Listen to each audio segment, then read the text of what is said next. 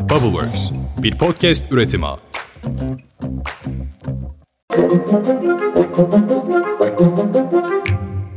Günaydın. Bugün 9 Mayıs 2023. Ben Özlem Gürses. Bubbleworks Media ve Pushholder ile birlikte hazırladığımız 5 dakikada dünya gündemine hepiniz hoş geldiniz.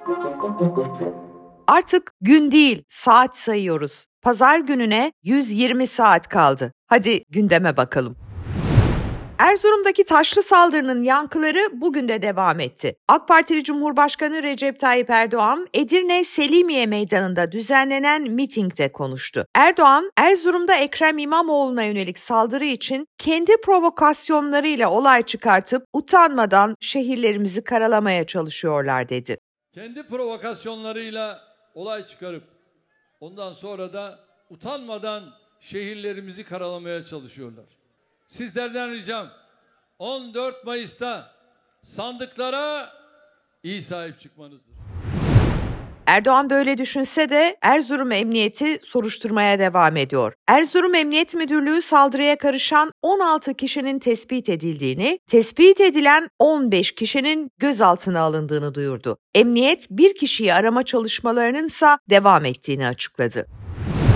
CHP Şanlıurfa Milletvekili adayı Mahmut Tanal kentteki seçim ofislerine tehdit ve gözdağı amaçlı mermi atıldığını duyurdu. Tanal, seçim sahasında bizimle baş edemeyenlerin, halkın içine çıkamayanların, beceriksiz korkakların yönlendirdiği provokatörler partimizin Şanlıurfa'daki seçim ofisine tehdit ve gözdağı amaçlı mermi attı diye yazdı, fotoğrafları da paylaştı. Millet İttifakı Cumhurbaşkanı adayı ve CHP Genel Başkanı Kemal Kılıçdaroğlu, İyi Parti Genel Başkanı Meral Akşener, İstanbul Büyükşehir Belediye Başkanı Ekrem İmamoğlu ve Ankara Büyükşehir Belediye Başkanı Mansur Yavaş birlikte Adana'da mitingdeydi dün. Adana tarihinin en kalabalık mitinglerinden birine dönüşen buluşmada İyi Parti lideri Meral Akşener yakında peygamberliğini ilan ederse hiç şaşırmam dedi yakında peygamberliğini ilan ederse hiç şaşırmam. Bakın kafalar gitti, kafalar gitti. Tekrar ediyorum, kafalar gitti. Bir an evvel 14 Mayıs akşamı bu işi bitirmeliyiz. Birinci turda bitirmeliyiz. Birinci turda bitirmeliyiz. Gerçekten psikiyatristlerin tedavisine muhtaç insanlar bu ülkeyi yönetiyor. Millet İttifakı sürekli birinci turda bitirelim çağrısı yapıyor. Eğer Cumhurbaşkanlığı seçimi birinci turda bitmezse tek sebebi Muharrem İnce ve Sinan Oğan olacak. Kendisine de sürekli adaylıktan çekil çağrısı yapılan Memleket Partisi Genel Başkanı ve Cumhurbaşkanı adayı Muharrem İnce, Antalya Konyaaltı kent meydanında halka hitap etti. İnce, ben çekilmem, Kemal Kılıçdaroğlu çekilsin dedi. Ya bir de bana diyorlar ki sen Millet İttifakı'nın oyunu bölüyorsun. E ben Cumhur İttifakı'nın oyunu bölüyormuşum. E bana yanlış söylüyorlar bunlar. Bana yanlış söylüyorlar. Burada ailesi AK Partili olanlar kimler? Siz memleket partilisiniz. Ya arkadaşlar bence Millet İttifakı çekilsin, beni desteklesinler seçim garanti. HDP eski eş genel başkanı Selahattin Demirtaş Twitter adresinden yaptığı son paylaşımında seçmene bir çağrıda bulundu. Demirtaş tek bir ihaleden 1 milyar doları cebe indiren adam din, iman, ahlak pazarlıyor. Vatan, millet, devlet diyerek gözünüze perde çekmek istiyor. Bu rezalete son vermek için bir oy yeter. Oyunu değişim için kullan diye yazdı.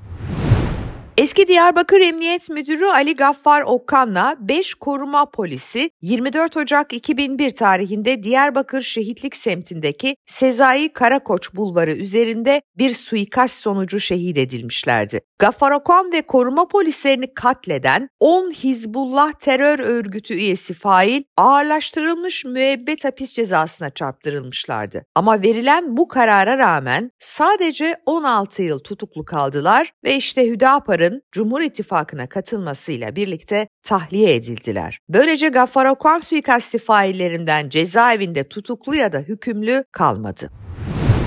23 Kasım'da gerçekleştirilen İstiklal Caddesi'ndeki bombalı terör saldırısında bombayı bırakan Ahlem Albeşir'in arasında bulunduğu 36 sanık bugün ilk duruşmalarına çıkacak. Duruşma 3 gün boyunca devam edecek. İddianamede bombayı yerleştiren şüpheli Ahlam Albaşir'in 7 kez ağırlaştırılmış müebbet ve 1949 yıl 6 aydan 3009 yıla kadar hapsi isteniyor. Firari sanık örgüt elebaşlarından Cemil Bayık'ın da aralarında bulunduğu diğer şüphelilerin ise 7'şer kez ağırlaştırılmış müebbet ve 3016 yıl 6 aya kadar hapisleri talep ediliyor.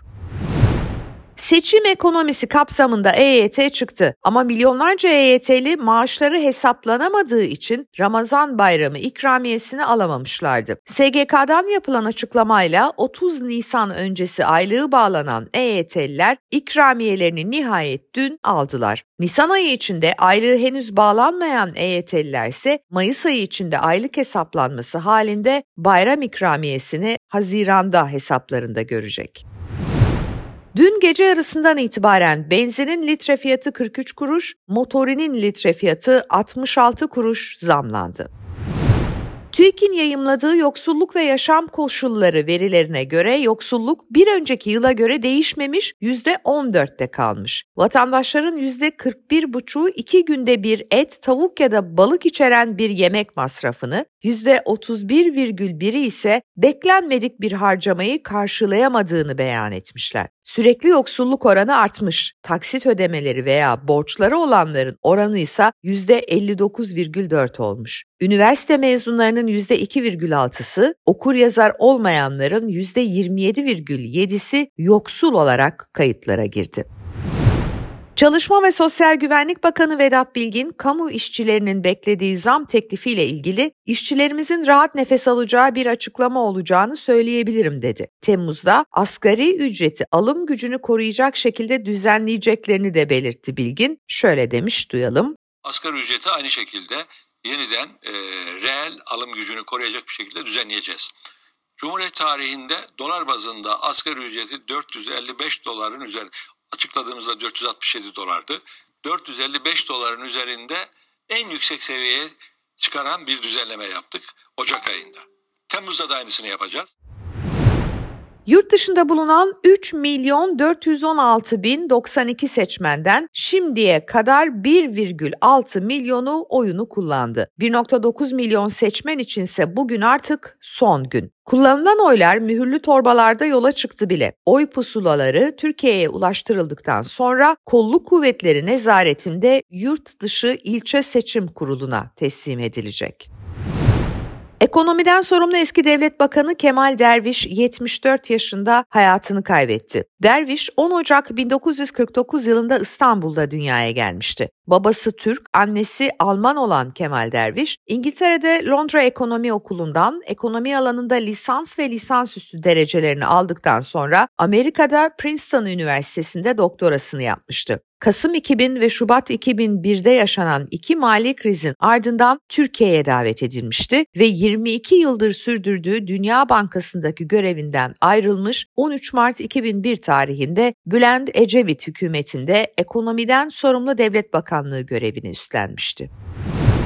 Ben ODTÜ'lüyüm arkadaşlar. Her yıl ODTÜ'de Uluslararası Bahar Şenliği yapılır. Bu bin yıllık bir gelenektir Orta Doğu Teknik Üniversitesi'nde. Ancak bu sene gençlerin 35.sini gerçekleştirmek istedikleri Bahar Şenliği rektörlük kararıyla engellenmiş durumda. Bu rektör geldiği günden beri kah devrim stadyumundaki mezuniyet törenlerini, kah bahar şenliklerini sürekli olarak engelliyor. Üstelik bu sene öğrencilere bu durum herhangi resmi bir yol yerine gayri resmi toplantılar ve e-postalarla bildirilmiş. Yapmayın denmiş yani. Ne diyeyim ben? Nereye kadar ya? O oturduğunuz rektörlük koltuklarını sonsuza dek kendinize ait mi sanıyorsunuz acaba? Bu arada bir de müzisyen Selçuk Balcı ve Karadeniz rock grubu Marsis'in solisti Korhan Özyıldız'ın sahne alacağı Gençlik Baharı karşılıyor ücretsiz halk konseri de valilik tarafından engellenmiş. E yeter da rahat bırakın insanları ya. Bırakın herkes yürüsün kendi yolundan. Yarın görüşmek üzere. Sandığa dört gün kaldı.